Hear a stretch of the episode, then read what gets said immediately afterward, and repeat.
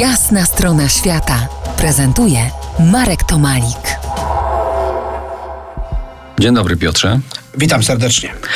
Po jasnej stronie świata profesor Piotr Kłodkowski, były ambasador Rzeczpospolitej w Indiach, laureat nagród imienia Beaty Pawlak i Józefa Tischnera, autor książki Imperium Boga Hanumana, czyli Indie w trzech odsłonach. Kończymy dziś cykl Cztery strony Indii. Dziś czwarta i ostatnia odsłona, czyli ta czwarta Indii strona. W sześciu kolejnych rozmowach poruszymy kilka tematów, bo Indie mają wiele swoich stron.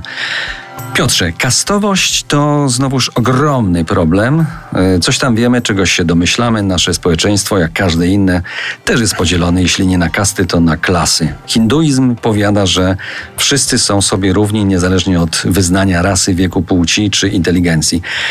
To skąd w Indiach kasty? No, oczywiście równy w sensie metafizycznym, to znaczy tak naprawdę e, część wyznawców hinduizmu, na przykład takiego ruchu e, e, pobożnościowego bhakti powiada, że no jakby Bóg wyzwoli każdego, ponieważ jest tak bardzo miłosiernym. Ale w praktycznym życiu funkcjonują kasty i te kasty mają tak naprawdę sankcję religijną, ponieważ w księgach, świętych księgach e, istnieje przekaz o tym, e, że Prajapati, jakby e, prabóstwo, dokonało ofiary na własnym ciele i z każdego członka owego boskiego ciała powstała warna, czyli poszczególna klasa osób. Kasty są czymś późniejszym.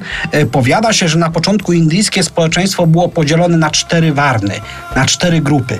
Pierwszą z nich to nauczyciele, właśnie bramini, kolejną z nich to rycerze kszatriowie, trzecią to kupcy wajsiowie i czwartą słudzy.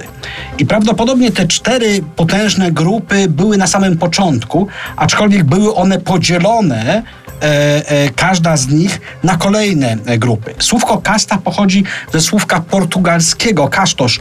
E, Portugalczycy opisali coś, co już funkcjonowało. Co to są kasty? Kasty, tak jak powiadam, mają sankcję religijną, czyli tak naprawdę Bóg tak chciał, jeżeli byśmy to chcieli w wielkim skrócie przedstawić. Kasty zależą od tego, kim się rodzimy w społeczeństwie. A więc jeżeli jestem braminem, na, na, należę do najwyższej kasty. Jeżeli jestem rycerzem, czy też no dzisiaj żołnierzem, to kolejna kasta. E, jeżeli jestem rolnikiem, e, czy też nawet zamiataczem ulic, to moje życie jest uwarunkowane przez kastę. Kasty nie możemy zmienić. Nie możemy, nawet jeżeli chcemy przeskoczyć do innej kasty, jest to możliwe w ciągu kilku generacji, bo rzeczywiście niektóre kasty wędrowały w górę. Paradoksalnie dzisiaj Bramin, który jest kucharzem, jest kucharzem najlepszym. Dlaczego? Ponieważ nie skazi jedzenia.